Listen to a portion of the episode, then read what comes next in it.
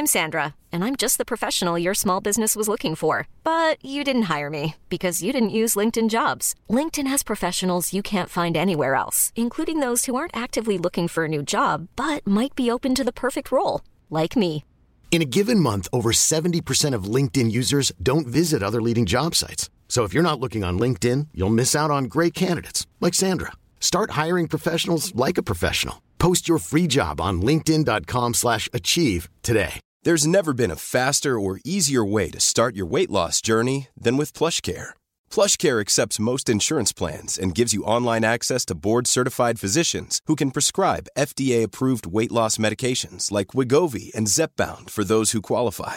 Take charge of your health and speak with a board-certified physician about a weight loss plan that's right for you. Get started today at plushcare.com slash weight loss. That's plushcare.com slash weight loss. plushcare.com slash weight loss. Quality sleep is essential. That's why the Sleep Number Smart Bed is designed for your ever evolving sleep needs. Need a bed that's firmer or softer on either side? Helps you sleep at a comfortable temperature? Sleep Number Smart Beds let you individualize your comfort so you sleep better together. JD Power ranks Sleep Number number 1 in customer satisfaction with mattresses purchased in-store. And now, save 50% on the Sleep Number limited edition Smart Bed for a limited time. For JD Power 2023 award information, visit jdpower.com/awards. Only at a Sleep Number store or sleepnumber.com.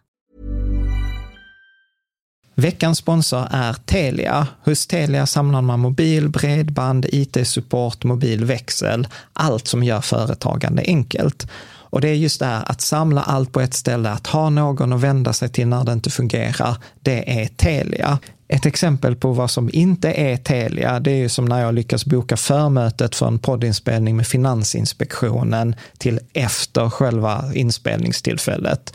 Eller när jag här, här året var liksom, fick för mig att jag skulle börja springa, så jag är liksom ute och springer taggad, träffar en kompis som säger så du Jan, på måndag ska jag springa ett lopp. Och jag känner så här, ja men det låter inspirerande, så jag käkar pasta, jag byter om, tar mig ner till Malmö stadion för att göra en efteranmälan, står där i kön och sen så när jag liksom anmäler mig så tittar de på mig och säger så här, du Jan, vårhuset är bara till för kvinnor. Och eh, det var, det var typisk en situation som inte är Telia. Oavsett, ett stort tack till Telia som sponsrar, gör Rika Tillsammans möjligt, men framför allt tack till dig som lyssnar, följer och eh, hänger med oss varje vecka. Bull market, alltså en uppgångs... Om, om börsen kommer att gå ner Mm. eh, under det här decenniet så, så tror jag att edelmetallerna kommer att gå upp. Mm. Och om man har den tron eh, och tror på guld så ska man egentligen köpa silver. Du lyssnar på Rika Tillsammans-podden som handlar om allt som är roligt med privatekonomi. I den här podden får du varje vecka ta del av konkreta tips, råd, verktyg och inspiration för att ta ditt sparande och din privatekonomi till nästa nivå på ett enkelt sätt. Vi som gör den här podden heter Jan och Caroline Bolmesson. Idag är det dags för avsnitt 143 som är ett samarbete med en av våra mest kära och uppskattade gäster, Erik Strand. Mm. Och idag ska det handla om läsarfrågor, guld, silver, eh, hur man ska tänka, hur man kan tänka i olika portföljer, om hans nya fonder, om världsläget. Ja, som alltid. Ja, men eller hur? Och lite av hans eh, filosofi. Men, men det är ju himla roligt, för att när vi visste att han skulle komma hit, då la vi ju ut så här, ja men Erik Strand kommer tillbaka till podden, för han har ju varit med i sex avsnitt eh, innan. Eh, har ni några frågor? Ja, Vi la ut på Facebook, på Twitter Och på, pa- blogg- på Patreon. Patreon. Ja. Mm. Och jag tror vi fick in alltså över 50 frågor. Ja, och väldigt eh, pålästa Ja, läsare Ja. som ställer frågor ja precis. om sånt som inte vi vet om nå- någonting om. Ja, men dessutom. Så, att, så ett fantastiskt stort tack till dig som har skickat in frågor. Och eh, detta avsnittet är i, i mångt och mycket helt enkelt bara ett fråga och svar-avsnitt Mm. med, eh, med Erik. Med några utsvävningar. Ja, så, såklart. Men eh, mest frågor och svar. Ja. Vi har försökt ta med så många som vi kan. Ja. Mm. Var det någon som stack ut för dig i detta Någon avsnitt? fråga? Nej, men det var ett svar från, från Erik som stack ut. Det där med att om man tror på guld då ska man också ha silver. Precis, han sa så här, om man, om man tror på guld, då ska man köpa silver. Ja, den är lite så här, man bara, äh, va? Mm. Och han var lite nöjd också med att han eh, fick eh, både oss och eh, dig som lyssnar och tittar tänka till. Jag tänker att vi släpper på Erik, så varsågod, hoppas att du kommer gilla detta avsnittet lika mycket som vi. Varmt välkommen tillbaka Erik. Tackar. Du, för de som inte känner dig så är du ju professionell fondförvaltare. Du har ju också varit landslagsfäktare på 80-90-talet, varit med i EM, VM och OS. Men framförallt det som vi tycker är kul, det är ju att du är bloggens mest uppskattade gäst. Du har ju varit med eh, fem gånger eh, tidigare och eh, det som jag också tycker är, så, är att vi delar den här passionen liksom för, för matematik och för lite så här kvantitativa eh, investeringsstrategier där man tittar på siffror, man tittar på fakta snarare än man tittar på eh, tro. Och numera så driver du egna fonder under varumärket AU AG-fonder. Och det är mycket fokus på guld, silver, ädelmetaller eh, och även sån här green tech eh, som, är, som är viktigt. Och det som jag tycker också är lite extra kul, det är ju att jag läste någon sån här artikel i någon tidning, så här, Sveriges kanske mest riskabla fond. Så att det tänker jag också att vi Du ser ska... så ska glad ut där och nickar. Ja, men det blev ju faktiskt eh, på realtid blev det ju Sveriges mest lästa nyhet. Det var så? 2019. Ja, det är så. Så att eh, det Ja. uppmärksammades. Ja, men roligt. Ja, men det, vet du vad? När, när vi berättade att du skulle komma tillbaka så blev det så bara yay! Och på Youtube så publicerade vi en artikel här, eh, eller ett avsnitt här förra veckan och så den första kommentaren så här, när kommer Erik? så att eh, nu Här är är du här Ja. och jag tänker att eh, vi, vi hoppar, vi har så mycket frågor. Vi har aldrig fått in så mycket frågor, så att jag tänker att vi kör det rakt upp och ner. Och det kommer handla, för, för du har inte fått, det, du har inte fått frågorna i förväg, så att det är lite spännande. Verkligen. Eh, Så det blir lite om guld som investering och liksom ädelmetaller. Sen kom det in fråga, ganska mycket frågor om dina fonder och sen kom det in frågor om ditt sparande. Ja. Där de tyckte så här, han slingrar sig lite sist, vet du. Ah. Så att eh, då blir det lite frågor kring det och sen så lite också så här kring marknadstro. Och din, du gillar ju också de här filosofiska eh, utläggningarna. Så att Mm. jag tänker, eh, ska vi börja? Karo, ska du ta första frågan här från Mm. Elin Elin Ross frågar, på Facebook? ja, vad är den största anledningen till att inkludera det här elementet i sin portfölj? Guld då alltså. Så varför ska man ha guld i sitt sparande?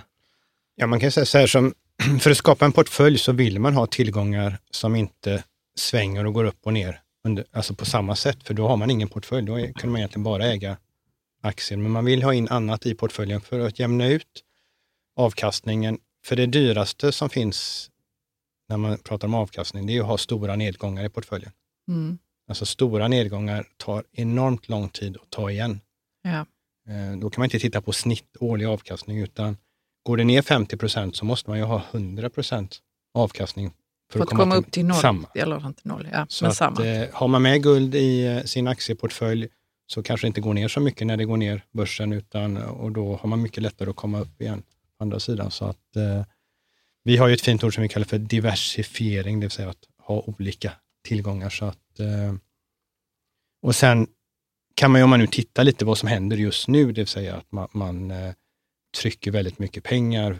Centralbankerna är väldigt aktiva och man ökar så att säga skulderna i systemet. Så att det är ju också en försäkring om det blir, eh, om man tappar förtroendet för valutor. Och det har vi nog redan börjat se faktiskt. Så Mm. det, finns, ja, det är Mm. ganska tydligt. Och guld kan man liksom inte tappa förtroendet för. Nej, fördelen med guld och silver är ju att båda är valutor i det internationella valutasystemet och båda har ingen motpartsrisk. Och motpartsrisk är någonting som är, är väldigt viktigt, det vill säga att eh, man inte bara har en, man har en tillgång som inte har en risk om den andra så att säga, parten inte kan täcka. Om man nu lånar ut pengar till någon så har man ju den tillgången egentligen, men om den inte kan betala tillbaka så är ju pengarna borta. Mm. Och det finns ju inte i guld och silvermarknaden, utan det är ju fysiska tillgångar som alltid finns.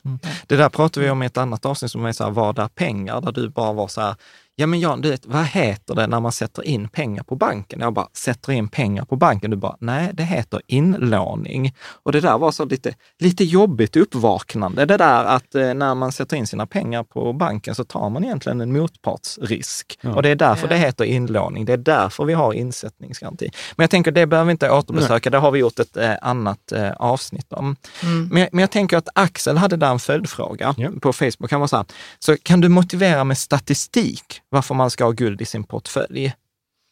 Ja, alltså, ni, du är van att räkna och titta på siffrorna och eh, det är väldigt tydligt eh, vilken effekt det har. Och det som är intressant med guld är ju att det är inte att det bara går upp om börsen går ner, utan tittar vi bara på det här 2000-talet eh, så har ju hittills faktiskt guld, om man gick in exakt år 2000, så har ju guld varit bättre än börsen, men ännu bättre är om man har kombinerat 50-50 så att säga, börsen och guld, så man har haft en ännu bättre avkastning. Eh, sen är det alltid så med statistik att man kan titta på när man Mm. börjar mäta.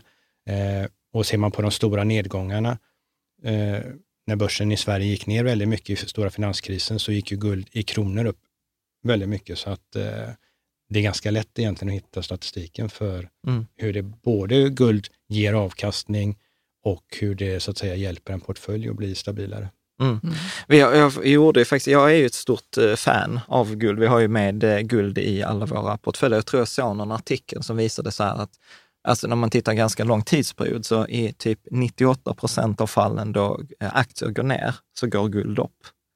Så att det var inte perfekt negativ korrelation, men, men liksom nästan. Nej, det är inte alltid negativ korrelation för att du har ju också långa faser när du har, alltså skapas det väldigt mycket pengar i systemet Mm. så få, kan du få både guld och aktier att gå upp för att du bara skapar, du alltså när du trycker pengar så minskar ju värdet på, på papperspengarna Mm. eh, och då, går, då får vi det asset eh, inflation, alltså tillgångsinflation och det är det vi har sett de sista åren. Eh, Ja, men hade inte vi en fråga om det? Varför guld hade betett sig så som det har gjort? Mm. De det kommer säkert in eh, Ja, men, vi, flera men, vi frågor kan, men, precis, men vi kan ju ta den. Att Ja, guld, ta att, den nu. att, eh, eh, liksom så här, på hi- idén på Facebook, så här, varför har guld gått nästan lika bra som börsen eh, under det senaste Ja, året? precis. Och det är ju för att det är inte så enkelt att liksom börs, eller guld då bara går upp när börsen går ner, utan eh, har du ett scenario där man då, eh, där alla ser att nu eh, går det ganska dåligt i systemet, vi måste hjälpa systemet och sänka räntor, skapa pengar, trycka pengar. Mm. För att Eh, få liksom... Ja, och då, vad man egentligen, vad, systemet gör är ju att man offrar värdet på valutor Mm. eh, och det gör ju att eh, investerare söker tillgångar där man inte förlorar värdet. Ah, Och då går okej. de ju och köper aktier eller köper guld. För då Ja. känner de att de får med. Alltså i, i, och det händer ju särskilt när man har, det är lite svårt för det är inte bara med inflation utan det är om man har, man pratar om realränta.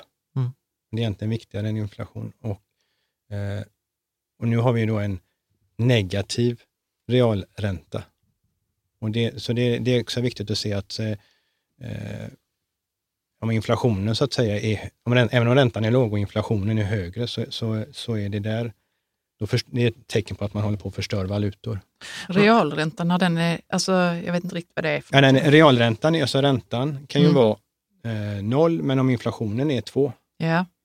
Så har du en, en negativ, alltså negativ realränta. Men, i- när, man, när man pratar om real avkastning eller real, real, infla, inflation, eh, ja, real avkastning eller realränta, då tar man alltid minus inflationen. Mm. Och mi, inflationen är ju det här att pengar minskar i värde. Ja. Men, men jag tänker så här, spännande, för du säger så här att man offrar valutor idag. Varför, liksom, kan du säga något mer om det? Ja, man kan ju säga så här att Sverige har väl varit ett av de bästa länderna på att offra sin valuta. Eh, ge- genom all, alltså 70, 80, 90-talet har ju Sverige varit en mästare på detta. Och, eh, det är ju egentligen ingen bra lösning, men det är ju den lösningen de flesta länder tar till eh, för att eh, teorin är ju att en svag valuta gör det lättare att exportera. Mm. Då blir det så att säga svenska produkter billigare Ja. för andra länder att köpa och då köper de mer svenska produkter. Köper de mer svenska produkter så blir det mer arbeten i svenska fabriker. Mm. Det här är ju liksom eh, teorin bakom.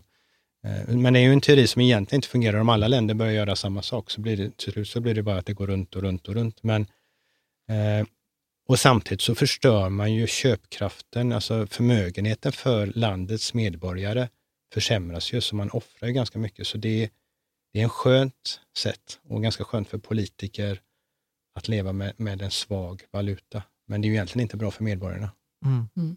Men det är där vi har varit. Mm, men eh, får jag bara fråga, du sa att ehm, nu när guldet och börsen har, har betett sig på samma sätt, gått upp, Mm.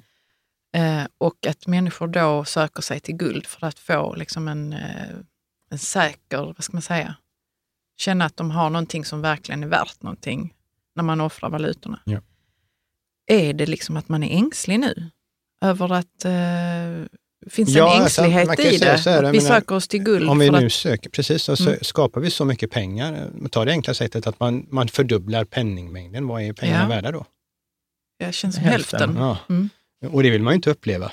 Och då köper man en tillgång då som, in, som dubblas i värde under den tiden. Då har man ju inte tagit den här förlusten som det är annars att ha pengarna bara i... Men det som jag kan tycka är lite skrämmande i det där, det är ändå att då utgår vi liksom från att vet, man placerar sina pengar. Och sen läste jag någonstans statistik att du vet, det är bara 15 procent av Sveriges befolkning som har pengar i aktier.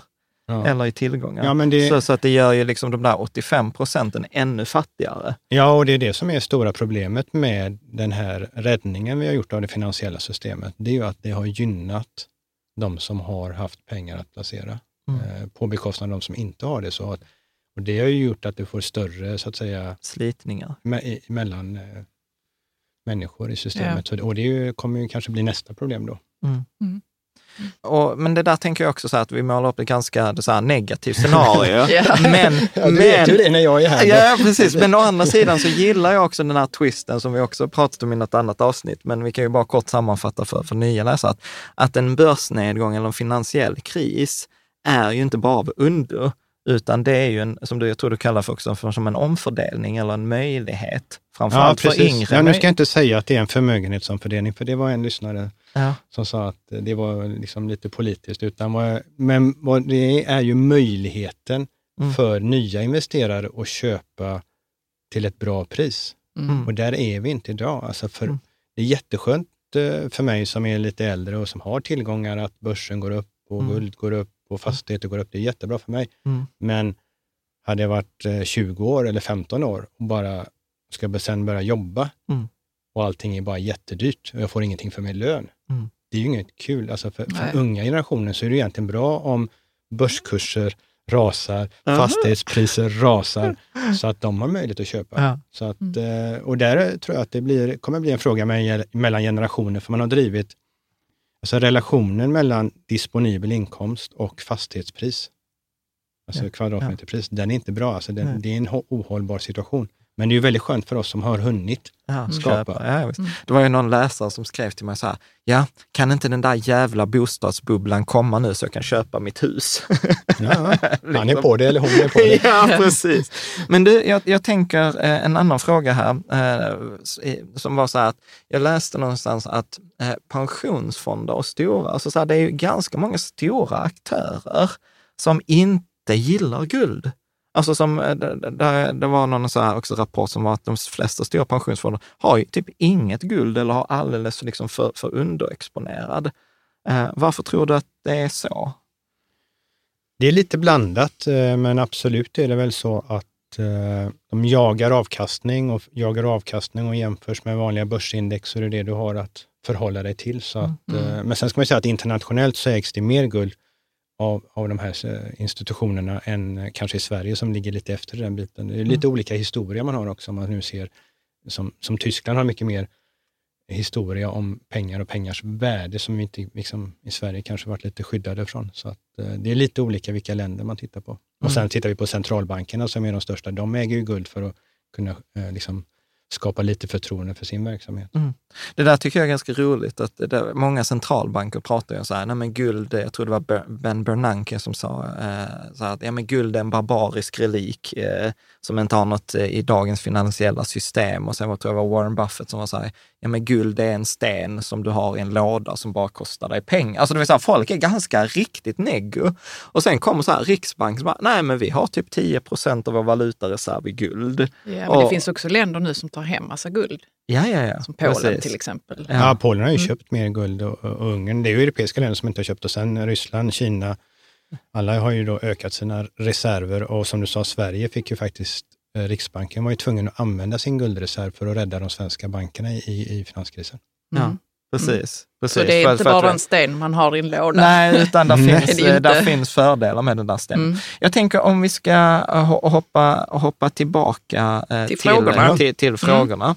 Vilken vill du ta igen? Ska vi ta Elin där igen? Elin Ross, ska man bara fokusera på guld eller guld plus ädelmetaller? Ja, det där är en intressant fråga. Det beror lite på vad man är ute efter.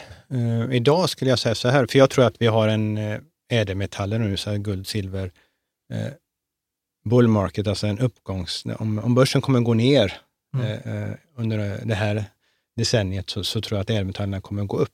Mm. Och ha- om man har den tron eh, och tror på guld så ska man egentligen köpa silver.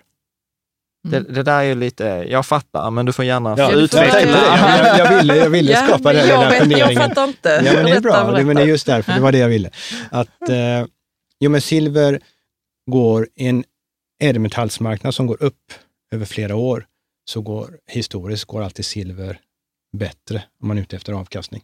Mm. Eh, och är man då har man redan bestämt sig för att jag tror på att jag vill ha guld i min portfölj, ja, vill man då ha bättre avkastning så ska man ju egentligen ha silver. Tror man inte på guld, ja då behöver man inte ens tänka på att köpa silver. Mm. Då är man Nej. inte i det spåret. Så att därav, eh, så på frågan om man bara ska ha guld eller vad, vilka, vad var exakta frågan? Om man skulle ha ädelmetaller. Ja, men det inkluderar ju Ja. andra också. Ja, du har ju egentligen platinum, palladium. Eh, problemet med dem, eh, alltså de är intressanta på ett sätt att investera i, men de är extremt små marknader. Mm. Så att eh, de är lite känsliga på ett sätt. Och, och, Men vad använder man det till? Är det största hand, mest kända för platinum, palladium och därför så att säga priset har gått upp så mycket. På, det är ju på katalysatorer i bilar. mm. Och sen så, eh, men det är små marknader så att guld är ju den absolut största eh, marknaden. Guld omsätter ju idag i princip lika mycket som S&P 500 varje dag i omsättning. Så det är en väldigt stor marknad på ett enda tillgångslag. Mm. Men samtidigt så är det ganska intressant, för jag såg någon jämförelse, typ att allt guld i... Nu, nu kanske jag har fel här, nu kände jag att detta har jag inte kollat upp. Det tror jag inte. Ja, men eh, jag hade fel där en gång 1992, sen hade jag, nej. Sen hade du aldrig mer. Sen har jag aldrig Berätta nej, nej, men att, eh, att värdet på typ allt guld är fortfarande mindre än börsvärdet för typ Microsoft. Att liksom, även om vi pratar om guld och det är hög omsättning så är den marknaden väldigt, väldigt liten. Eh, Eh, man kan ju säga så här att eh, vad som har hänt är ju att aktiemarknaden har blivit så otroligt högt värderad och särskilt vissa särskilt stora amerikanska bolag. Jag tror Apple också är större än hela ryska börsen. Mm. Alltså, Ja, det har det blivit så väldigt så konstiga jämförelsetal så att de Ja. är Och där, där, och där måste man bara säga, alltså, så man förstår det, alltså Apple är mer värt än alla bolag på den ryska marknaden. Det är det som menas Ja, med att ja. Mm. Apple är mer värt än den ryska börsen. Och det är ju lite att det ska vara värt med alla företag Ja. där. Ja. Mm. Eh, nej, men för, för det talar också för att, eh, för resonemanget där var att blir det en rörelse mot guld så blir det väldigt trångt. Att, Ja, det är väl lite av det man, man ser, förutom andra så att säga, sakerna som talar för, för guld, om vi pratar monetära bitar, så är det ju i finansbranschen, jag brukar kalla det för rotation, alltså när pengar ska rotera från ett tillgångslag till ett annat. Mm. Eh, Och det som talar för råvaror i allmänhet är ju att det är en ganska lågt värderad sektor historiskt sett. Även om guld är nu all time high i Sverige, det är det inte i USA, men det har ju med det här vi pratar om valutorna att göra, att Sveriges valuta varit så svag. Eh, Men råvaror är lågt värderade, aktiemarknaden, obligationsmarknaden är väldigt högt värderade och det skapats enorma stora värden. Börjar de rotera, till exempel med vissa större andelar mot råvaror, Ja. och då ska ju de här pengarna jaga priserna och då får du extra stora prisuppgångar som inte alltid kanske är motiverade av värdet, utan Mm. Nej, det är bara intresset av att stora flöden påverkar kurser också. Mm. Eh, Vi var egentligen inne på... Så det är en positiv bit egentligen. I dagsläget för råvarumarknaden, Ja. ja. råvaruinvesteringar. Absolut. Vi har en fråga här från Often på Twitter. Mm. Eh, att jag skulle vilja att Erik redogör för silvrets potential som råvaruinvestering och lite om så här kopplingen till guldet. Du har ju berört eh, frågan, men varför? Vi var inne så här, ja men då ska man köpa silver, Ja. men varför? Ja. Hur är det liksom som är intressant med silver, det är att det har två egenskaper. Det har en monetär egenskap, som guld, och en industriell, så 50-50 ungefär. Silver påverkas av det monetära som pengar, som guld gör, men det också påverkas väldigt mycket från industrin och efterfrågan på silver. Och det gör ju att eh, silver blir väldigt, väldigt intressant. Och när man tittar på industrin, varför är det viktigt där?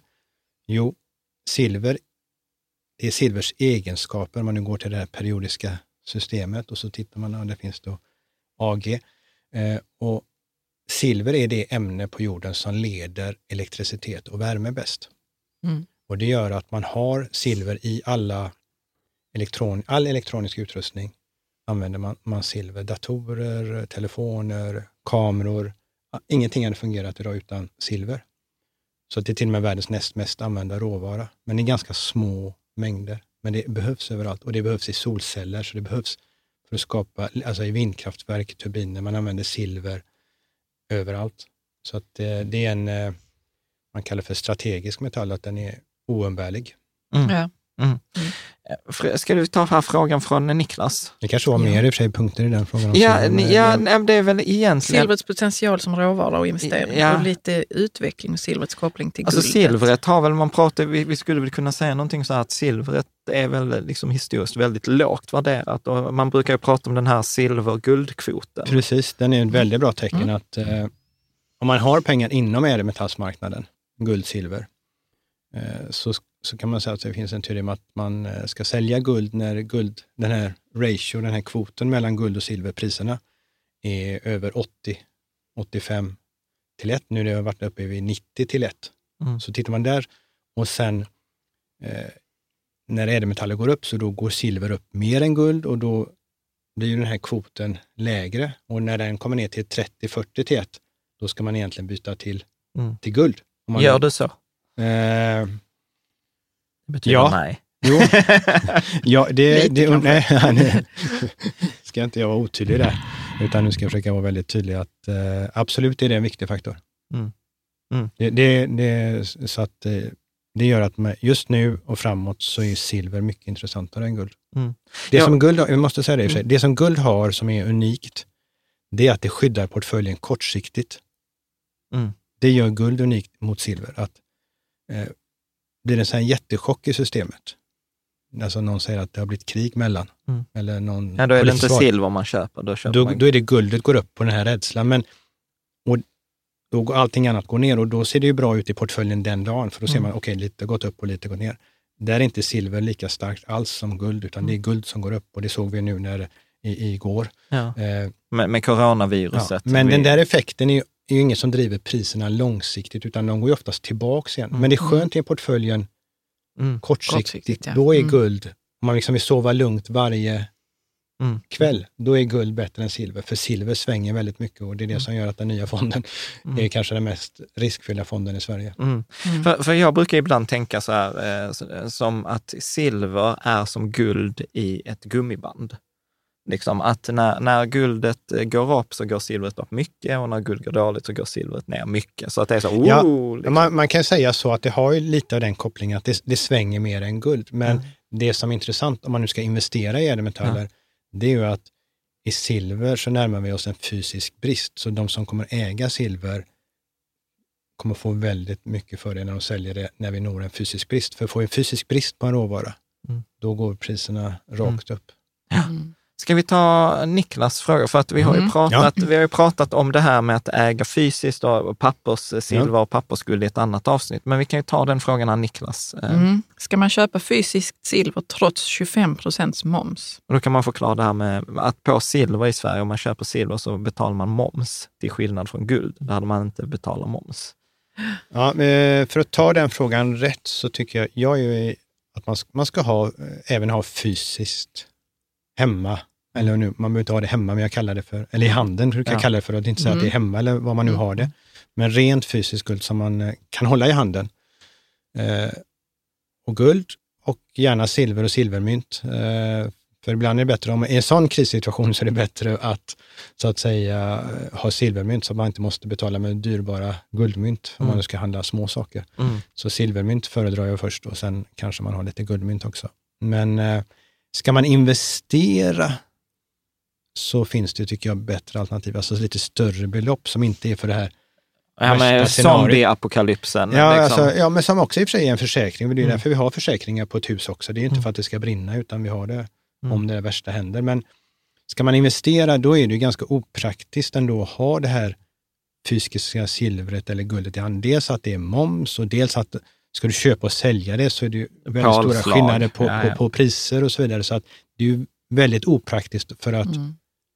Eh, so- som investering, finansiell investering. Mm. Däremot som försäkring. Ja. Så, och då tycker jag, är det som försäkring för det där värsta, största scenariot att ha en viss summa pengar i fysiska silvermynt, då tycker inte jag momsfrågan är ett problem. Och det hjälper ju egentligen inte att eh, handla det utanför Sverige, för då får du är momsen i alla fall. Så att, Ja. Nej, jag tänker så att guld, guld, vi har ju fysiskt eh, och för oss är det så här, det är ett, för, syftet försäkring och nummer två så får det vara så här generationsförmögenhet. Mm. Liksom. Jo, vi, har, en fråga här som är lite, lite rund, eh, men det finns ju många olika sätt att investera i guld och silver och vi ska ju prata om din, dina fonder också. Men eh, då kommer till exempel en fråga här från Solbritt eh, då på Twitter. Hon säger så här, att många föredrar ju till exempel guldfonder med fysisk eh, backning, alltså till exempel som vi har pratat, du har själv rekommenderat på, på din hemsida, till exempel eh, den här fyra extra guldfonden som är i Tyskland, Mm, istället för till exempel guldcertifikat som guld AVA som är på, då på Avanza. Men, eh, och framförallt på grund av motpartsrisken. Men då frågar hon så här, hur stor är egentligen den där risken? Alltså vad är det för ett scenario där till exempel den här guldalternativet på Avanza liksom exploderar eller det liksom att det hur rädd ska man vara? Liksom, hur stor är den där skillnaden i, i praktiken mellan att ha Alltså, en fond, förlåt, ja. ha en fond som faktiskt äger guldet I sitt fysiskt valv. i, i valv Mm. jämfört med att ha en, guld, en som säger vi följer guldets pris? Ja, jag tycker det är, alltså ett sånt här certifikat som inte har, är backat fysiskt utan eh, från, från någon bank eller emittent så att säga, eh, är ju inte optimalt. Eh, vi har ju haft ett problem på Avanza att det inte har gått. Nu, jag har nu pratat med deras eh, ansvariga handlare som jag har kontakt med, som in, det är inte hans fråga, men han har sagt att i slutet av mars så ska man kunna handla tyska innehav. Eh, Gud, det- det, det Tyska- var nog den bästa nyheten detta Vad sa året. ni nu? Tysk, att man ska kunna handla tyska... Jo, men det är så här att eh, på Nordnet så kan Mm. man handla sådana här börshandlade fonder, till exempel den här guldfonden som heter då Extra Gold. Som följer guldet. Som följer guldets Mm, ja. eh, pris. Som, de har, de är, när du äger en andel i den fonden så äger du ett gram guld. Men den här fonden, det är den vi har i modellportföljerna, men den har inte gått att handla på Avanza och, i flera år. Och detta, Ja, det kommer ju nu egentligen också nu när, när, eh, när de nya reglerna alltså, och eh, Nordnet har ju haft, där har man som kund handlat direkt in mot den tyska marknaden, så har inte Avanzas system varit uppbyggt, så de Nej. hamnar i ett problem här. Men eh, de uppgifter jag har här nu, som jag fick eh, senast igår då, så, Mm. så i slutet av mars är... Coolt. Men jag, det är inget jag kan Nej, lova, eller nej, de kan nej, lova, nej. men det är vad jag har haft Men vi, lite... vi kan, vi kan Man- heja på Avanza. ja. ja. precis. Vi kan heja på Avanza. Och, det är på gång. Ja, Ja. ja. Mm. Men hur stor är den här liksom... eh, Motparts- Nej, jag, eh, där kommer ju frågan så här, att jag skulle vilja säga att den är väldigt liten, men tänker man samtidigt så här att Ja. men jag har ju köpt guld av den här anledningen att jag ändå är en försäkring lite också mot en systemrisk. Mm. Ja, Vill jag då plötsligt ha en risk på en amerikansk bank, för det är inte Avanza som är emittent, utan det är JP Morgan har jag för mig. ja, jag tror det är en annan amerikansk bank, men jag kommer Eller inte ihåg i Morgan huvudet nu. Stanley, ja. Ja. Morgan Stanley tror jag det är faktiskt. Ja. Eh, då tar man ju en risk på dem och det var väl ingen som trodde att Lehman Brothers skulle försvinna. Så att, Mm. Alltså det är ju ganska tråkigt om man köper en guldinvestering och så ligger man på den länge och sen så händer det här. Ja, Och, och så har man inte de pengarna man trodde hade. Så, ja. För där Eh, blir väl skillnaden Men det är klart, det, ja. Just nu så än så länge funkar det. Det har Ja. liksom inte blivit svart än. Så att, Ja. än så länge. Men går det att köpa det andra så hade jag alltid Ja, ja, andra. precis. Ja, ja. För, Det är för, med, med en fysisk ja, för det är alltid bättre att de har det i valvet. För går, de, går fondbolaget konkurs så är Ja, det, det är ändå det. vi som äger Ja, guldet. att- liksom. Och du kan få bättre. det på ex, jag gillar ju extra gold, för den kan du till och med få det hemskickat. Ska vi ta en fråga här, Caroline? Ska vi ta Rai? Mm. Rai undrar på Twitter, om man i dessa tider bara vill äga guld och silver, vad är då en lämplig fördelning? Om man bara vill äga guld Om man och bara vill äga det? Alltså nej, det men, just nej, men om man, ska, om man ska placera guld och silver, Ja. vad är en lämplig fördelning mellan de två? Jag omformulerar Rais fråga här på Twitter. Ja, för Ja. det är inte bara det man vill Nej. äga. Nej. Ja. Mm.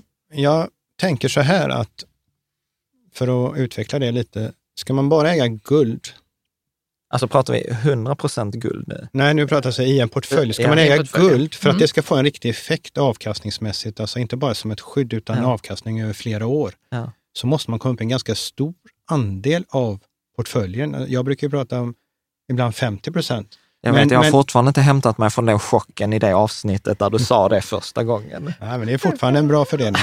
eh, och säg så här då, om man vill backa därifrån, nej men där är jag inte, men man måste ändå ha 20, 25, 30 procent. För att har man 10 procent guld, då känner jag, då ger det inte tillräcklig effekt. Så att vill man dra ner det här ädelmetallet till 5-10 procent, Ja. då får man nästan äga silver för att det ska kunna skapa en motvikt. Ja. Alltså rent matematiskt så, så guld, eftersom silver då i en sån period går upp mer, så kan man ta en mindre procent av portföljen. Så då blir silver intressantare.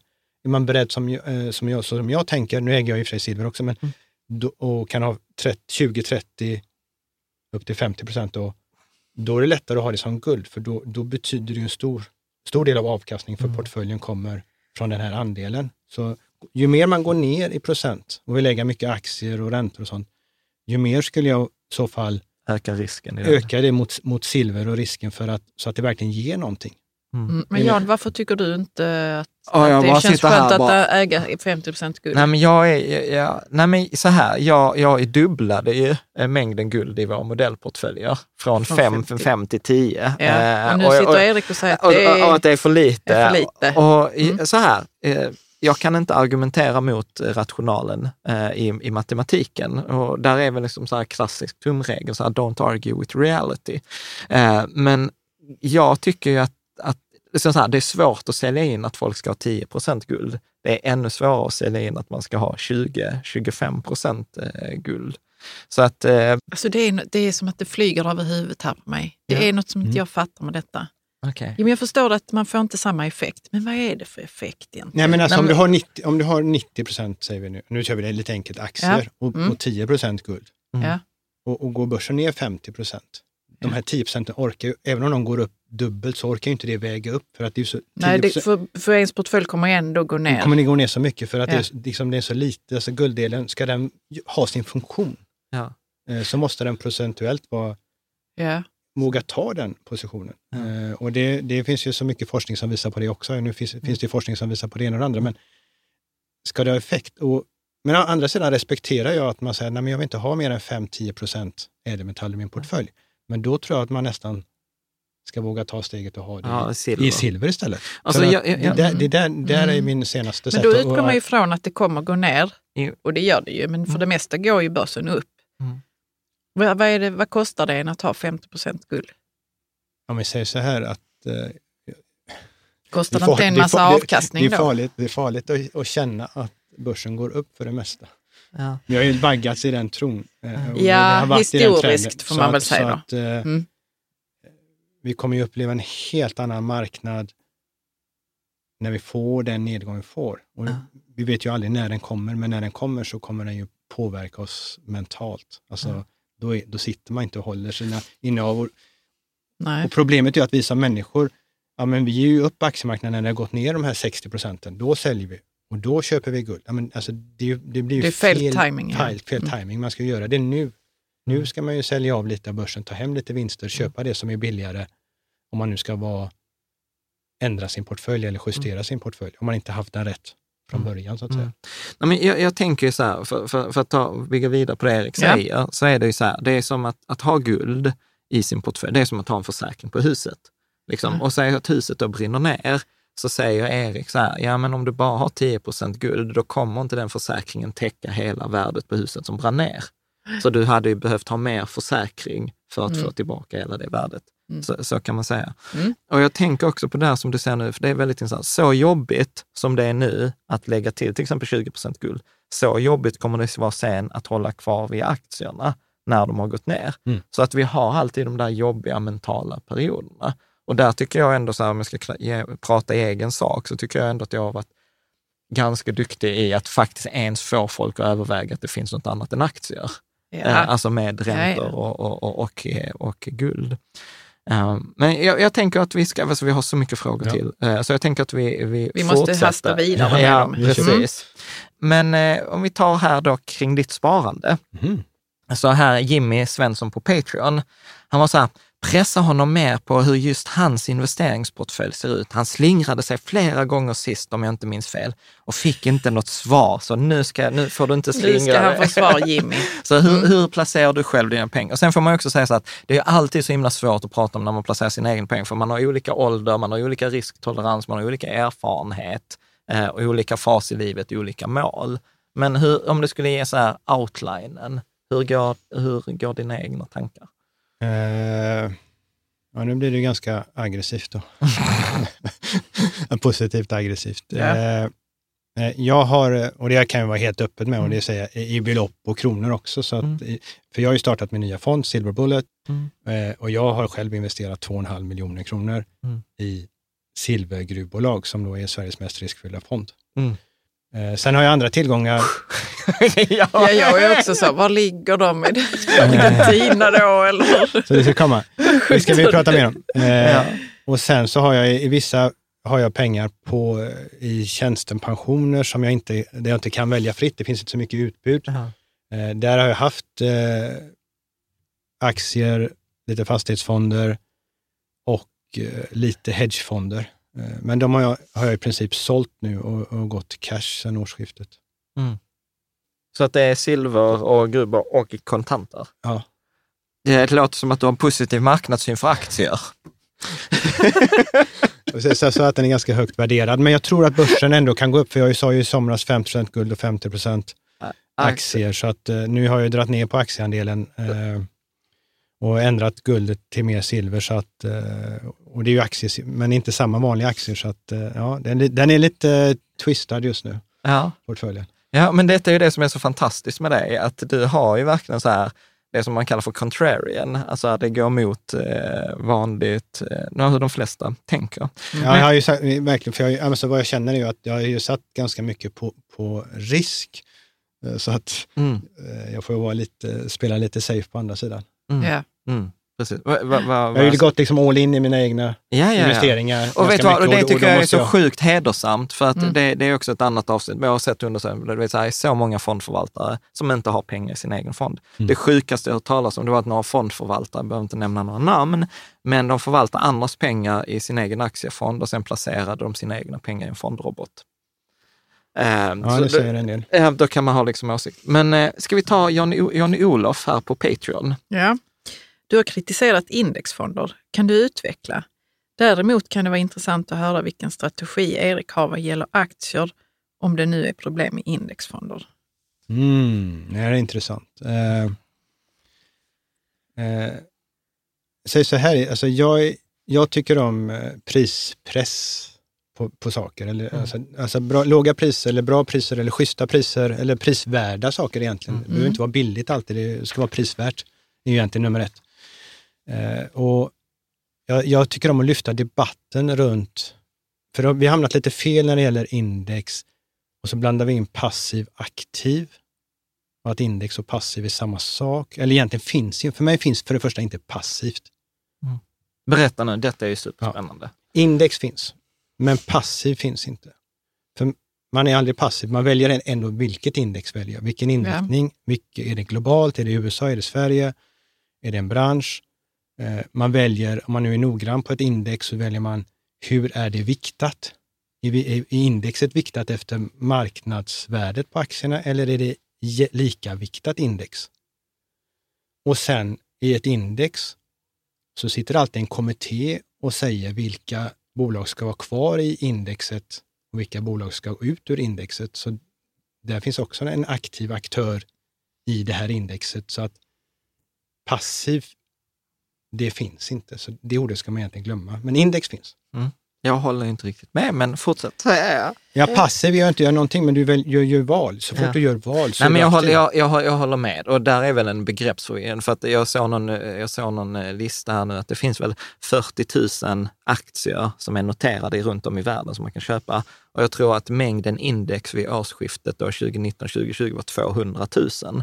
Att det fanns fem gånger fler index Visst än vad det fanns. Ja, Eh, Och det, det som man kommer in på index, varför jag vill lyfta debatten, det är inte, jag vill inte lyfta fram att aktiv förvaltning är bättre än index. Det är inte där, utan jag vill mer få fram att man inte, att man inte blir religiös i frågan, att det måste vara det här för att det är bra, det måste vara så här för att det är bra. Mm. Men de intressanta frågorna med index är, dels så finns det en inbyggd risk i index. Alltså index går, har alla fördelar jämfört med aktivt, kan man säga, när marknaden går upp. För att ett index är alltid 100% investerat. En aktiv fond kan vara allt från 95% investerad eller 97% De har svårt att ligga på 100 för att de har ju in och utflöden som de ska hantera. Bara där tappar de lite. Sen är ju index momentumstyrda, det vill säga att de bolag som går upp mest blir mest andel i index och, och fort, Ja. så länge det momentumet fortsätter uppåt eh, så blir ju de här bolagen större och större och det fungerar jättebra i en positiv uppgångsfas. Ett väldigt bra exempel är om man hade tittat på index i Japan innan Japan kraschade då för länge, länge sedan. Då tror jag att banker till slut var 70 procent av det japanska index. Och innan det kraschade, hade man suttit i en då japanskt index så hade man ägt i slutet 70 procent banker och sen så kraschar Mm. japanska börsen och vad går ner mest? Är klart det som har gått upp mest. Mm. Och då sitter man, alltså man sitter med väldigt mycket risk på toppen av en marknad. Och, och förstå den biten att när, så, när ska jag köpa index? Mm. Ja, egentligen eh, när luften har gått ur marknaden och börjar komma upp i marknaden, eh, i den fas som vi har varit då Mm. eh, de sista tio åren, så har det varit bra period. Nu Mm. börjar vi närma oss en farlig period rent riskmässigt att äga en indexinvestering. Det betyder inte att aktiv förvaltning är bättre än index, men det, Det har är fått en risk. inte. Eh, då kommer vi till nästa fråga som är också intressant här. Det är att vad är index? Jo, index är, i grunden är ju index summan av all aktiv förvaltning. Ja, ja, ja, fortsätt. Ja, men alltså, är alla aktiva köp, alla, alla aktörer, Jag skulle säga marknaden är ju, Ja, är all, alla- all, alla ju alla aktiva, aktiva och, och, äh, passiva. ja, men innan, innan de fanns så var, Ja. så var index alla aktiva. Ja. Om man nu, och då blir matematiken ännu intressantare. Om index är alla aktiva förvaltare plus index, Mm. det är det vi säger då. ja, de passiva Ja, index. Ja. Mm. då blir det ännu mer twistat för att om vi drar det längre ut, att den aktiva förvaltningen blir mindre och mindre och mindre och index blir större och större. Till slut har vi ju en likhet, index är lika med index. Ja, precis. Och- och då- och då- mm. Och då, då ser vi vad som är intressant matematiskt, det är ju att du, man såg eh, förra året att Exxon, som till exempel är världens största eller näst största bolag, kunde gå upp på börsen trots att bolagsresultat blev sämre hela tiden. Mm. Och det är normalt sett inte möjligt att det sker år efter år. Men Exxon, eftersom det är så stor andel av alla index, så köper ju, när någon köper en indexfond så måste ju fonden, den här indexfonden köpa de här Mm. bolagen, inte om de är billiga att köpa eller inte, utan den köper ju hur, hur stora de är. Mm, Och Exxon mm. ingick ju i alla index, både i S&P 500, högutdelande index, värdeindex, råvaruindex, oljebolagsindex. De ingick ju överallt så att Alla aktien köptes och till slut så blir det ju statiskt. Om man, om man, tar, om man förlänger den här kedjan så blir det helt statiskt. Då kommer ju liksom Exxon vara 3% av börsen och Apple kommer vara 3% och det kommer inte skiljas. Det kommer inte Precis, ändras. fast, fast det där kommer, alltså nu, nu måste jag så här hoppa in Index här. blir aldrig så stort. Nej, men det kommer ju inte bli så stort för att grejen är att du kommer ju hitta, du kommer ju hitta en index kan ju inte finnas utan de aktiva förvaltarna. Alltså så för, för att om du skulle dra detta, det, detta kritiserar ju till exempel Michael men, om- Burry om, också. Jo, men eh, om, om index eh, skulle vara alltid bättre än aktiva förvaltare så kommer det till slut inte finnas några aktiva förvaltare. Ja, men precis. Men det kommer inte hända, för då hamnar du i en situation, till exempel som att, eh, precis som du säger, att Apple liksom eh, värderas till, liksom, drar man sin extrem till sin introduktionskurs och sen delar de ut 65 US-dollar och ett nystartat bolag i index kommer också värderas på samma nivå, men inte dela ut något. Och plötsligt då kommer ju folk fatta sig att det är bättre att äga Apple som delar ut 65 US-dollar än äga det här andra bolaget. Och då kommer ju priset på Apple-aktien börja öka eftersom kapitalet flyttas dit. Fram tills dess att Apple får ungefär det priset det har idag, där man tycker att det är lämpligt i Men, förhållande det, till men, den men eh, utdelningen. värderingen på aktien ju, kan ju bara ske från de aktiva. Ja, ja, ja. Men, men där har vi, det, det där är ingen invändning. Jag, jag, jag men, men, så argumenterar in, inte... men index är egentligen en, egentligen en, en princip, en o- omöjlighet, alltså för att i längden Ja, men det kan inte finnas på egen hand. Det Nej. håller helt. Men jag upplever så att detta är lite Och det blir så här, väldigt intressant om det bara fanns index. Ja, men det skulle inte heller funka. Nej. Nej, nej men det, det, fattar jag. Men, men vad det Erik sa var väl att det kan bli ett självsväng i, i värdering. Ja, men det kan det. Men, men I- å andra sidan, detta är, detta, jag håller med om kritiken på, på det sättet. Men för mig är Säg detta... ta nej, nej, nej, nej, ja, nej, det är kritik, men Jag ser det som invändning. fakta. Precis, det är som jag i debatten, så här bara, detta är inte en åsikt, det är fakta. Nej, men, men för mig är detta lite som eh, så här, du vet, kristendomen. Du vet, tänk när alla blir kristna. Ja, man har hållit på i 2000 år och alla är fortfarande inte kristna. Eh, Alltså, vi har hållit på med index från 70-talet. Jag tror att totalt så står Så- index för typ 15, 15 procent. Grejen är så här, jag påstår så här, att index är ju bättre än alla alternativen. Sen Sen kommer det liksom vara så här att ju mer index det blir, desto sämre kommer ju marknaden fungera på det sättet och desto mer möjligheter kommer öppnas för aktiva förvaltare. Och när de aktiva förvaltarna börjar överprestera mot index så kommer ju folk börja lämna indexfonder och plötsligt så kommer pendeln slå tillbaka till, fram tills dess att de aktiva förvaltarna där vi är idag inte överpresterar längre. Men vet du vad jag är rädd för? Det är ju att eh, om det nu blir så, Mm. vi får ju hoppas för indexet då att de aktiva överlever. Så att ja, index men det kan leva kommer- vidare. Ja, men det kommer, alltså för, för, nej, men för mig är det inget att hoppas. Men, men, det är men, klart men att vad de jag kommer är göra orolig så. för där, det är ju att om vi nu säger så här att vi får en börsnedgång, om det inte är nu, men om vi får den någon gång, och den var, är ju ganska brutal och går ganska fort och håller Ja. på kanske i tre år, säger Ja, ja. Minus 60 procent. vi. Och Roligt då att vi har kom- läst samma forskning. Ja. Och, då, och då kommer den här perioden när de aktiva förvaltarna överpresterar. Mm. Och, då, och det har de gjort. Och sen när vi är där på botten, Alltså, jag- tre, vänta, när vi är där, Vänta, när vi säger, bara- vi- när vi säger här. scenariot, Ja. och efter tre år eh, så går ju folk in och ska köpa och så tittar de vad har gått bra, vad är bättre. Men nu är ju aktiv. Och så, då köper de aktiv förvaltning för att det är de som har bra historik. Men det var där de skulle köpa passiv förvaltning och Ja. tvärtom. Alltså, risken är ju precis att det här kommer skapa för investerarna att titta, men nu har ju index varit bättre än aktiv förvaltning, då köper jag index. Ja. Men det är kanske är där man ska köpa aktiv förvaltning. När börsen har gått ner, aktiv förvaltning kanske har gått bättre än index. Vi, måste, vi måste stanna här. Vad, definierar du som aktiv förvaltning? För att köpa en aktivt förvaltad USA-fond eller köpa en, aktivt förva- eller en passivt förvaltad USA-indexfond, så, så kommer jag i 99 fall av 100 eh, Liksom, eh, kommer indexfonden slå den aktivt förvaltade fonden. Så då pratar ju du snarare om en hedgefond som kan välja gå ur marknaden eller ha andra strategier. För du pratar vi pratar måste inte prata om samma sak. Vi måste Ja, prata om ja, samma. nej, men vi pratar om samma sak. Alltså, men risken är att de här indexen kommer äga väldigt mycket i det som har gått upp väldigt mycket när Absolut. marknaden toppar. Ja, det håller jag Då med kommer om. de troligen att tappa mer Ja. på vägen ner. Det vet vi inte, men det, sannolikheten är ju mot index i en nedgång, särskilt i början på en nedgångsfas. Ja. Men hur har det sett ut historiskt? Ja, Vi har, index har inte, alltså problemet lite med index, nu förstör jag allt. eh, problemet eh, med index är att det inte funnits så länge. Alltså, i, som stor del i ETF-marknaden så har den ju nästan bara funnits eh, som, som en stor aktör i den börsuppgång vi har haft de sista Tio år. tio åren. Mm. Och det här är ett problem. Det finns ett problem till. Jag tar upp lite problem för att väcka. Eh, Men vi behöver betyder prata inte om mot. det också. Ja. Mm. Ett annat problem är att två aktörer står för 70 procent av all, hela ETF-marknaden. Mm. Blackrock och Vanguard, är det inte så? Eh, nej, iShares Ja, det är Blackrock, ja. och, och, eh, Vanguard står då, ja, som du säger, för 70 procent. Och sen har du eh, eh, Trade First State Ja. som har en del också. Eh, och det där är också ett problem, att, att eh,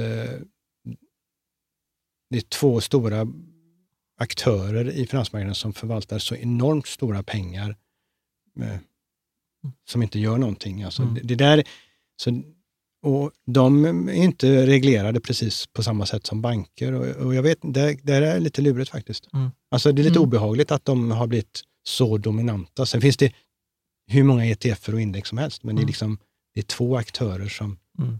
Och sen, hela och sen ska man ju också absolut, alltså jag är ju, alltså jag är ju indexfondkramare, men alltså det är klart att detta är liksom utmaningar och särskilt Vanguard också efter att Jack Bogle gick bort här för ett eller två år sedan så vet man inte riktigt vilken riktning Vanguard kommer, kommer gå. Jag säger så här, jag, jag skulle säga så index, hela den biten är en, det är en strålande, fantastisk idé som väldigt många har haft stor nytta av. Även finansiella institut och, och banker. Alltså, men eh, ibland blir bra saker för stort och för bra för sig själva, så att Mm. det kan bli själva problemet. Fast- Alltså, och det, vi tittar på likviditeten, vi har, det har blivit konstiga saker och det är som i USA, eh, man gör alltså en ETF, en börshandlad fond, på high yield, alltså på eh, företagsobligationer, högrisk företagsobligationer. Det vill säga att man gör ett instrument på toppen som är, ska kunna handlas med knapptryck Mm. från slutkunden, men där de underliggande tillgångarna blir väldigt illikvida Mm. i, en, i en stressad situation. Och hur fungerar det då? Och det är det som man inte riktigt vet. För att en, en eh, ETF är ju uppbyggd, hur en ETF? Det är lätt att tro att det är bara att köpa och det är bara ett index, men en ETF är ju uppbyggt och baseras på att det finns market makers, alltså banker som ställer ut och köper och säkerställer en handel. Men de har ju rätt att dra sig ur och då blir det inga kurser i innehavet. Så själva, det. själva produkten, och det har vi ju sett i USA när det, var, när det fick sådana här problem, när det hackade ner och gick ner väldigt mycket, för de, bara, de har rätt att dra sig ur. Och det fungerar på att de här bankerna är där som market makers och, och de tjänar ju pengar på att vara market makers. Så att, eh, utåt är det en, en, eh, en bra prisvärd konstruktion, men det är väldigt mycket mer komplicerat under hur det fungerar och hur bankerna har nytta av det att, att vara market makers och hur de tjänar pengar på det. Så att eh, det är en svår värld.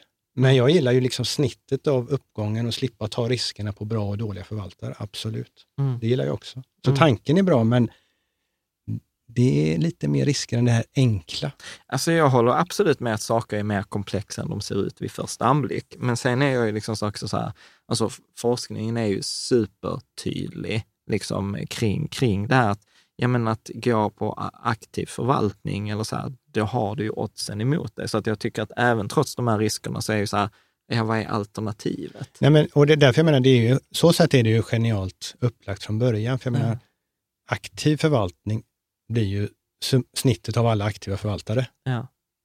Precis. Och, blir kom- index, då- och, så, så tar du en kostnad, så klart det blir automatiskt Mm. sämre. Så där är det genialiskt. Ja. Men problemen som byggs upp att äga, så att säga, det här momentumförvaltningen, Mm.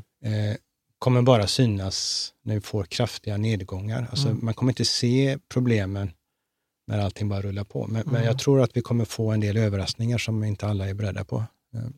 Med in, med, du menar med index? Eller? Ja, och hur det Mm. fungerar, vad har jag köpt? Alltså, vi har sett, Mm. att det är ju egentligen en Mm. finansiell produkt Mm, det är det ju. som Mm. är väldigt enkel på ytan och väldigt komplicerad under. Och sådana produkter har en tendens att få problem i vissa situationer. Så att Mm. där, där Men är... sen är det också så här, vet du, det är också så här att uppleva, nu, pratar, nu blir jag så här lite egen sak här, Ja. men det är, Men det är väl Ja, jag, jag hade laddat lite för det här, för jag vill, jag vill utmana. Jag tänkte vi ska Ja. inte bara vara snälla och hålla nej, med. Nej, men precis. Nej, men, men det- det är ju också så här, det är precis, det är stor skillnad på att köpa en ETF med, precis som du säger, med high yield-fonder, som, eh, eller eller med high yield-papper och köpa en indexfond med på S&P 500. Alltså med likviditetsmässigt och, och, och, Ja. och, så, och sådant. Ju. Sen, sen kan jag absolut hålla med om att ja, den kommer, kanske en indexfond kommer kanske gå lite mer ner. Men jämför jag det över, över tidsperiod, så ja, då är jag ju beredd att ta den kostnaden i förhållande till den vinsten jag har gjort över tid. Ja, man säger så här, jag skulle säga så här att jag hade gärna velat se den här sidan, eller aktören, neutrala aktören som går in och tar fram de här sakerna lite på djupet, lägger fram Mm. dem på bordet Mm, och sen ändå hittar rätt, liksom att ja, men det finns de här mm, kanske eventuella nackdelarna och, Mm. och, här, och en ETF fungerar så här med market Mm. makers, absolut. index, market cap eh, eller equal cap, alltså Mm. hur det viktas, hur det, vem är det som bestämmer när man re, rebalanserar, vilka bolag ska ingå och inte. Eh, då blir det riktigt bra tror jag. Om, Mm. man, om man lyfter fram de sakerna. Men Absolut, det saknas i, i frågan. Man tar liksom bara, Ja, men man tar religiöst bara det ena, lite- religiöst ja, det här, ja, liksom. Ja, nej, men så är det Jo, det är såklart. Och där finns ju, där Mm. finns det ju har blivit index. lite så tycker jag, den debatten. Den, blev, den har blivit fördummad. och de aktiva förvaltarna är lika dumma de också, för Ja. de bara pratar och hittar på sina Ja, siffror ja, och det, det blir ja, bara ja. dumt. Nej, men precis. Det Nej, är men, därför vi gillar att ha dig här. Ja, precis. Ja. precis. Det, det, det är så här klassiskt, som var någon som sa så här, ja men så här, Erik är helt fantastisk. Man mår alltid lite sämre efter man har lyssnat på honom och man är lite klokare. Ja.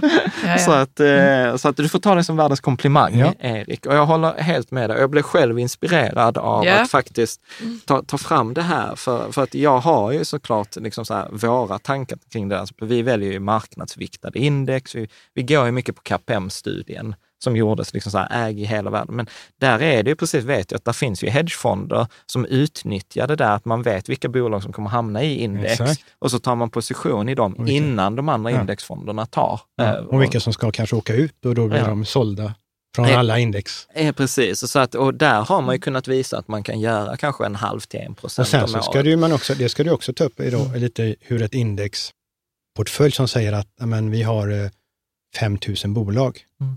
Det finns ju ingen ETF som köper de där 5 000 bolag, utan de skapar ju en, en basket eller en korg med bolag som liknar de där 5 000 och så tar de liksom risker på andra sätt för att balansera detta. För du kan inte köpa så mycket i den kinesiska marknaden. Den är inte så likvid i Asien. Det är jättesvårt att handla och jättedyrt att handla och sälja bolag på så illikvida marknader. Så de, och, och en ETF har, och så har de en särskild korg inom ETFen som de kallar för redemption eller creation Mm. del där man, som man har ytterligare några enklare aktier som är lätt att sälja Mm. för att ta, möta in och utförsäljningar. Så Absolut. det är där hur konstruktionen är. För jag tror att skulle man få problem med dem sen, har man varit informerad om hur de egentligen Mm. fungerar och så vidare, då, Precis. då blir det mycket starkare om man tar fram eventuella svagheter, brister och sen hitta de där ETFerna och indexen som är, verkligen är bra. Nej men absolut, och det är ju det, man pratar också syntetiska ETFer. Och Det var liksom- en, den har ju och- kommit upp ganska tydligt, men Ja. det finns mer. Ja, ja, ja. mer Alltså jag blev så här inspirerad. Ja, men Jan, bjuda- vad blir du inspirerad till? Nej, men jag blev Titta lite närmare på Nej, konstruktionen? men alltså så här, eller så här, det är ingen av den här kritiken som är, som är ny. Alltså, eller som jag upplever så här, oh, detta Nej. har jag inte hört talas om innan.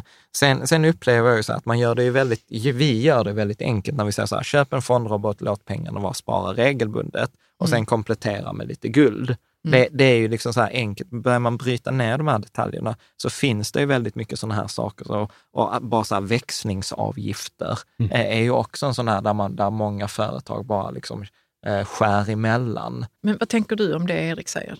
Nej, men jag, jag håller ju med om att det är ju, liksom, det är ju relevant och påläst eh, kritik. Och den är inte Inte heller- kritik. Nej, men inte kritik, men, nej, men så här in, nej, ja, men vet du vad, jag, för, Fakta, mig är inte, för, kunskap, mig- ja, men, precis, men för kunskap. mig är inte kritik, Kunskap. ja, men för mig är inte kritik eh, dåligt. Nej. Utan, utan tvär, tvärtom. Sen håller jag ju med om att vi gör det väldigt enkelt ibland när vi säger så här, man köper en fondrobot, investerar hela världen, gör det regelbundet, glöm bort och lägg till lite guld. Ja. Men det blir ju liksom så här, när man börjar nysta i de här detaljerna så är det ju mycket som man kan ifrågasätta, allt som, som, som växlingsavgifter där många eh, Mm. skär emellan. Men jag tyckte det, det har varit riktigt roligt att ha en diskussion, sån här diskussion, till exempel med Patrik från Lysa eller Oskar eh, Mm. från, från Lysa.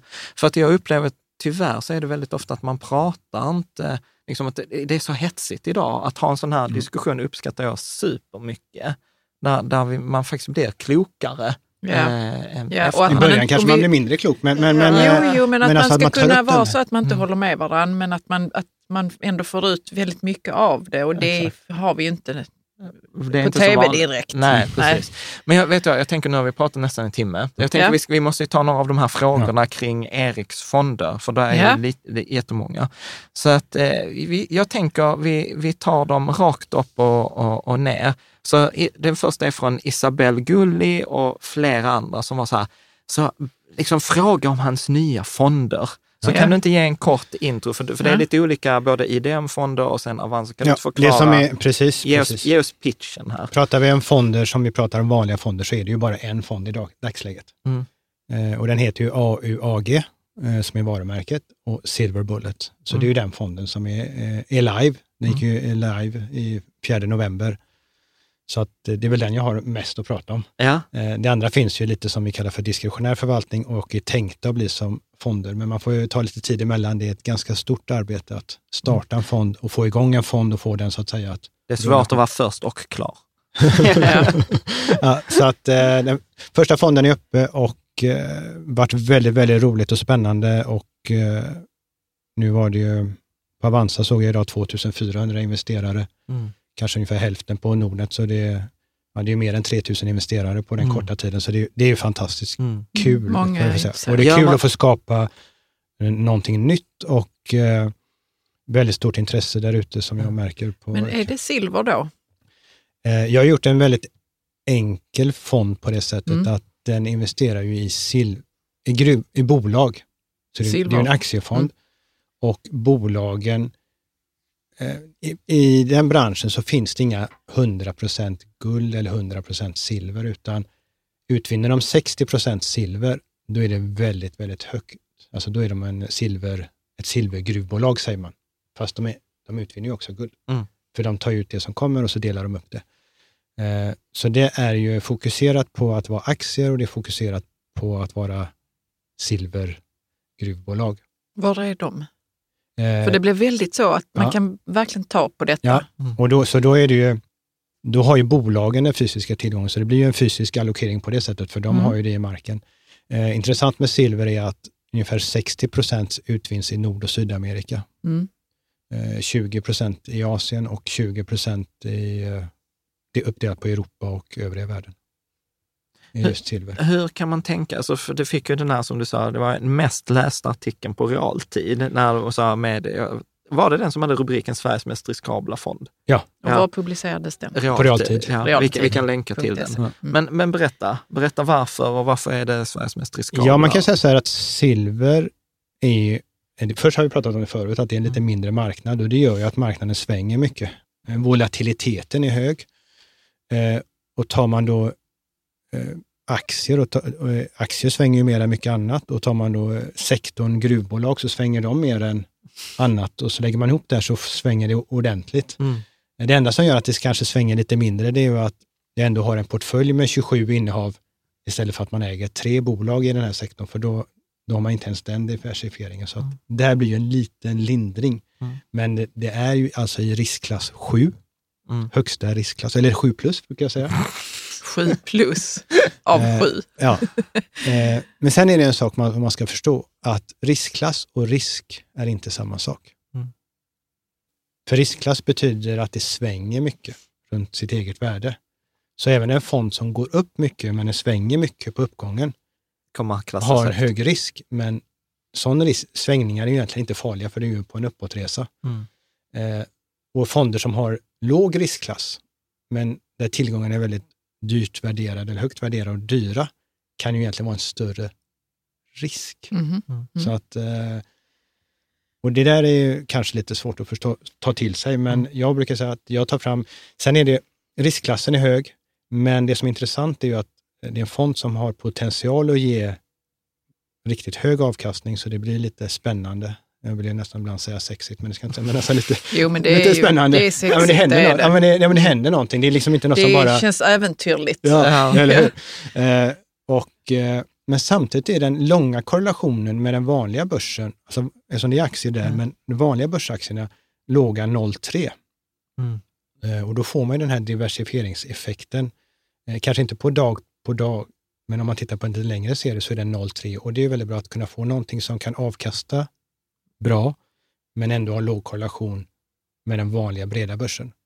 För det är det Vad vi- sa du? Låg korrelation? korrelation, Mm. att det inte svänger, att man får Ja. det här och att eh, och det är där man kan få den här effekten. Jag har funderat lite på det när man har, eh, som ni pratar om, att ja, men man ska ha med ädelmetaller, men man kan ändå inte sticka ut hakan och säga som permanent portfölj, där gör man ju det automatiskt, 25% guld, men annars kan man inte göra det, det blir liksom lite för, för stort om man, vill gå ner till 5-10 procent. Alltså med 5 procent är man ju alltid säker, det är ingen som kan klaga.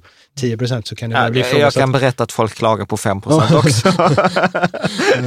Sen om det är relevant eller inte, det är en nej, annan nej, nej, historia. ja, men, eh, ja, precis.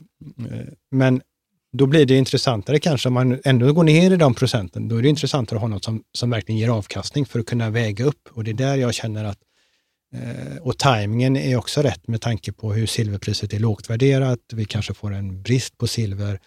Eh, Så jag, jag hoppas ju att det blir eh, Men vad kan avkastningen vara? Liksom?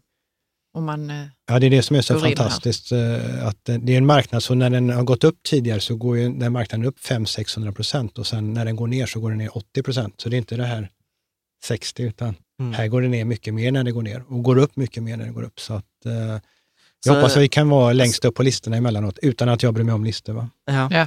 Hur, hur, ska man, hur ska man tänka kring den där då? Alltså om du så här, du, du, om, säg att vi har vår, eh, vår modellportfölj här, så 90, 90 procent aktier och 10 procent eh, guld.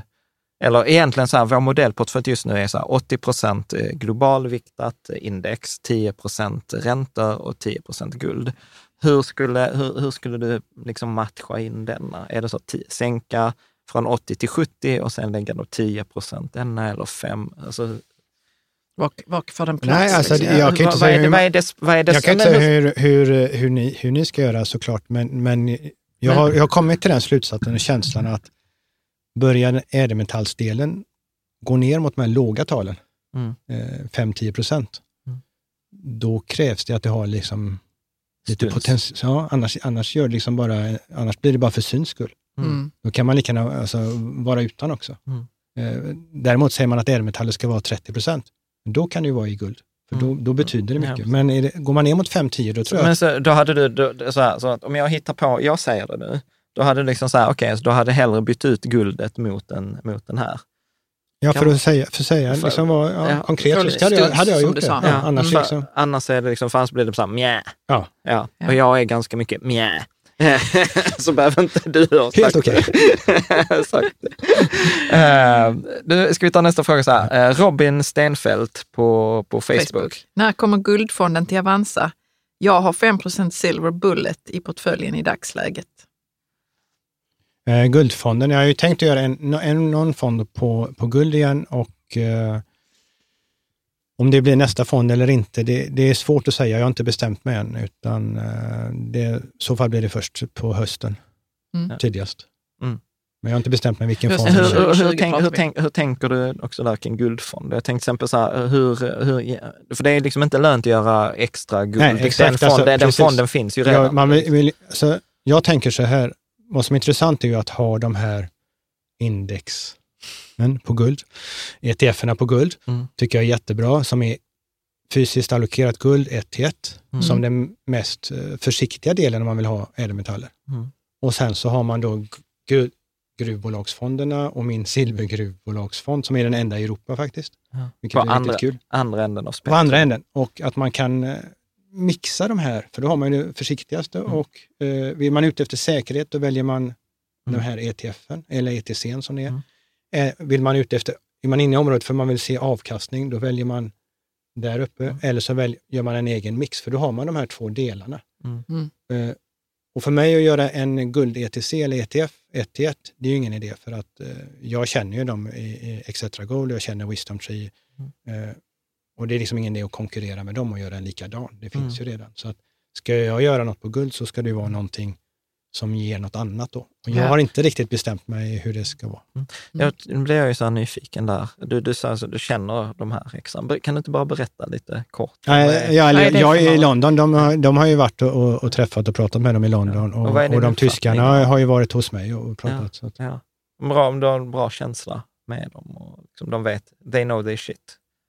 Eh, ja, men bra. Jag tycker lite- Erik skulle inte kunna säga någonting nej, annat. Precis, men vi hade kunnat klippa bort det om det blev dåligt. Nej, nej, men alltså det, människorna är ju bra eftersom jag eh, alltså, har en bra dialog med dem. Ja. Eh, Så att, eh, inget att säga om det. Det är just att bara säga att deras produkter är, är så pass bra så att det är ingen idé att göra något likadant. Nej, Nej. nej, men det är ju ett gott, det är ju ett gott betyg. Och jag tycker man alltså, Ja. jag, jag pratar ju för de varorna, jag har ju dem på min hemsida Ja, också. ja som precis, Att, som du rekommenderar dit? dem. Ja. ja, rekommenderar kanske man inte ska Nej, säga. nej, de- men- men till- ska man liksom- ha så ska man ha dem. Ja, men vet du vad? Jag gillar det där. Jag gillar när man kan vara så här rak och säga så här, men du är så här, okej, men vill du ha detta? Nej, men då är inte jag rätt grej för dig, Mm. utan då ska du ha detta istället. Mm. Så att man liksom är tydlig, så här, detta är vad jag gör och detta är vad jag inte gör. För det upplever jag idag. Ja, att man gör alldeles för sällan att man pratar så här, nej men detta är inte ett alternativ för dig. För då upplever jag också att då får man mycket mer respekt. För att Mm. när det då är för en så vet man så här, nej men den personen sa ju också så här, nej, att när det inte var det så var det inte Mm. det. Och det gillar jag. Eh, Det är ju jättemånga som har frågat om just det här. När kom, kommer du lansera en guldfond? Eh, När kommer guldfond? Alltså, Lika det- Pacific då. ja, det, låter, det låter som att folk vill ha din grej Ja. eh, här. Men det har kommit en del frågor kring avgiften. Mm. Och där eh, var det liksom så här att de tyckte att eh, din, din fond här nu var lite hög avgift. Så de undrade så här, har du planer på att sänka den höga förvaltningsavgiften? Det är Hans Gyllensten och Thomas Hedin och aktieamatör. avgiften? Eller vad är en Avgiften hög? är ju 1,4 procent Mm. Eh, och i relation till min tidigare fond Mm. så är det, som jag ser det, egentligen en, en låg avgift. Mm. För att min tidigare fond hade ju en resultatbaserad avgift Mm. eh, och eh, Precis, och svänger denna jättemycket så skulle Nej, den, den resultatbaserade avgiften går ju mot den eh, alltså, riskfria räntan. Mm.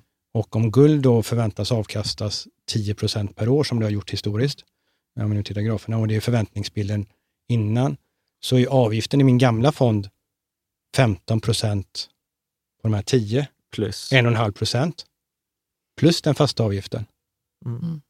som eh, var en halv procent förut. Och det är ju 2 procent per år. Mm. Så jämfört med 2 procent så är 1,4 procent Mm. ett lägre pris. Mm. Eh, sen kan jag säga så här att jag tror ju att eh, fondavgifterna kommer att, att bli annorlunda i framtiden. Jag tror att vi kommer ha nettoavgifter, det vill säga det som fondbolaget får egentligen tar ut och vad som det kostar på Avanza och Nordnet. Och det ser vi ju, det har kommit nya aktörer, eh, Saver och så vidare. Mm. Och, så jag får ju egentligen, vi får ju egentligen av 1,4 då 0 0,7. Mm. Eh, och Ja. den, den billigaste ETFen som kan likna min fond i, i USA, eh, även om den då är, har ett väldigt konstigt index, för Mm. det största bolaget är 24 procent, så det är ingen Mm. bra index. Men den kostar 0,65. Mm. Eh, och då är ju liksom priserna egentligen på samma, Mm. på samma nivå. Ja, ja. Eh, så att, eh, men som du sa, frågan nu, jag ser min fond då på 1,4 procent som är lägre än den förväntade avgiften, Den på den andra. 2 procent, som nu då är 2,5 procent. Finns fonden på Saver? För jag vet att Saver, Ja. jag gillar ju Saver, men de har inte alla fonder. Nu finns den på Saver. Ja, och det hade varit, eh, varit tekniskt, de hade ett tekniskt problem. Eller, Men, och vad ligger den där på? 0,9 då?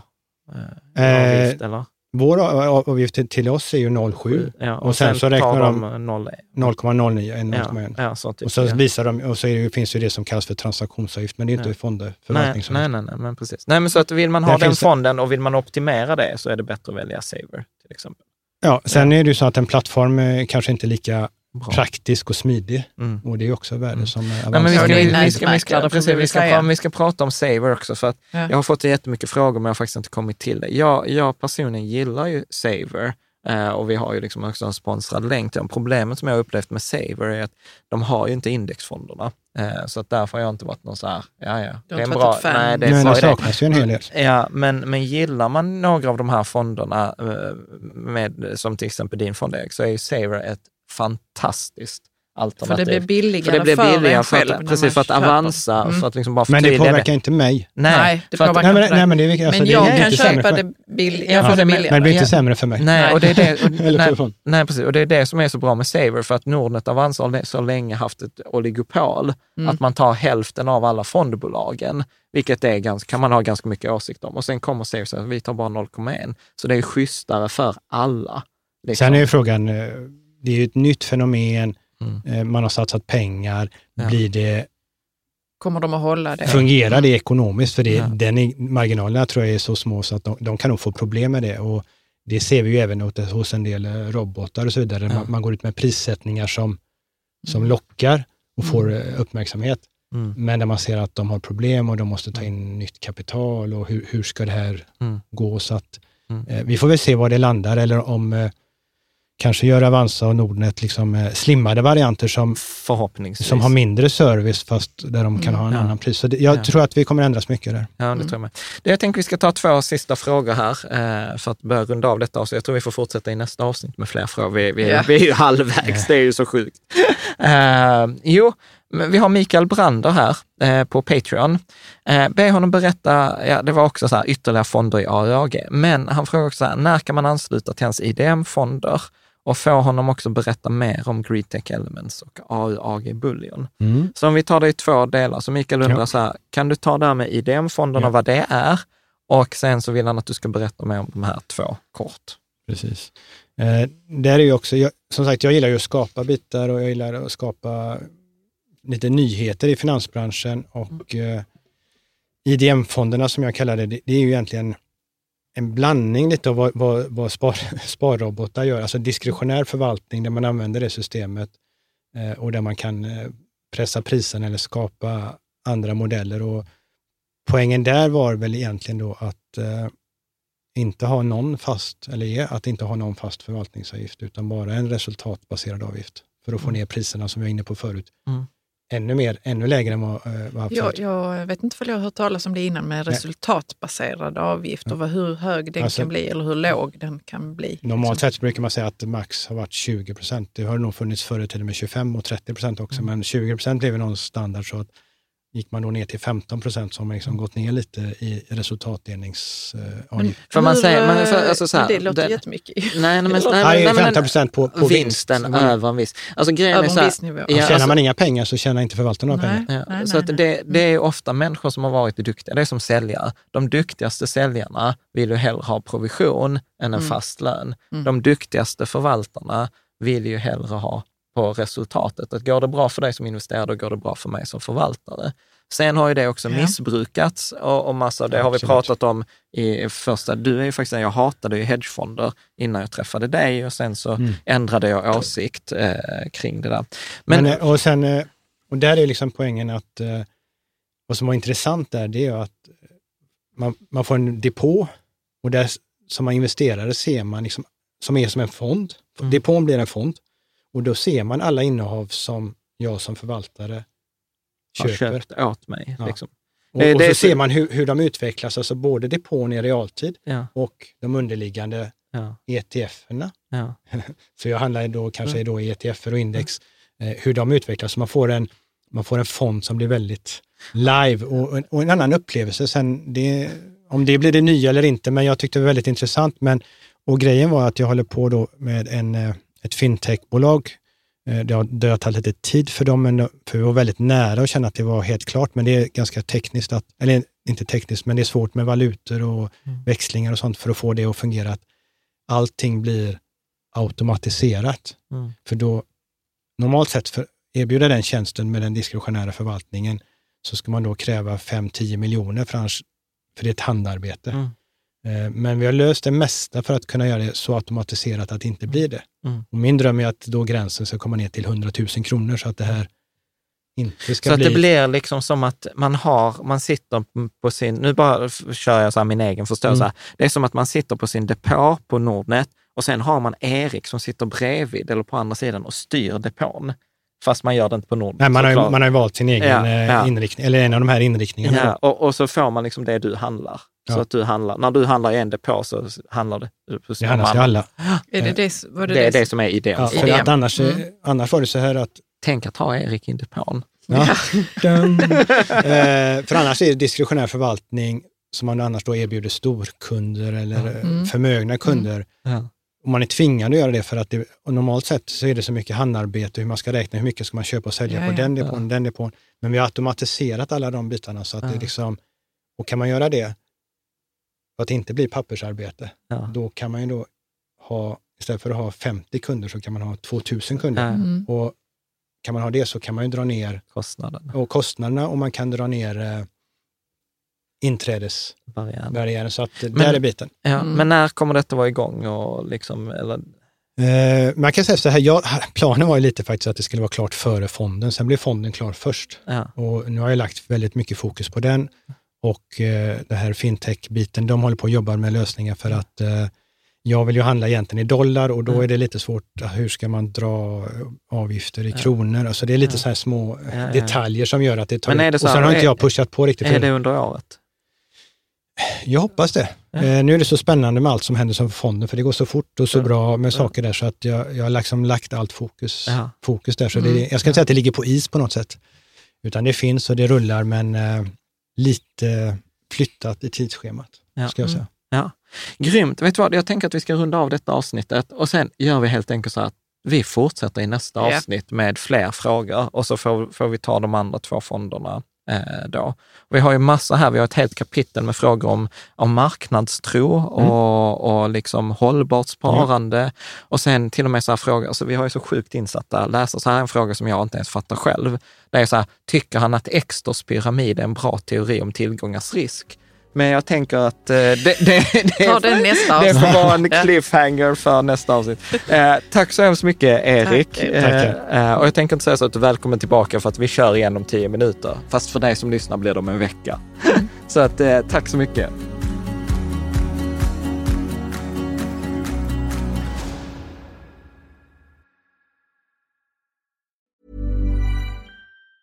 Ever catch yourself eating the same flavorless dinner three days in a row? Dreaming of something better? Well, HelloFresh is your guilt free dream come true, baby. It's me, Gigi Palmer. Let's wake up those taste buds with hot, juicy pecan crusted chicken or garlic butter shrimp scampi. Mm. Hello Fresh. Stop dreaming of all the delicious possibilities and dig in at HelloFresh.com. Let's get this dinner party started.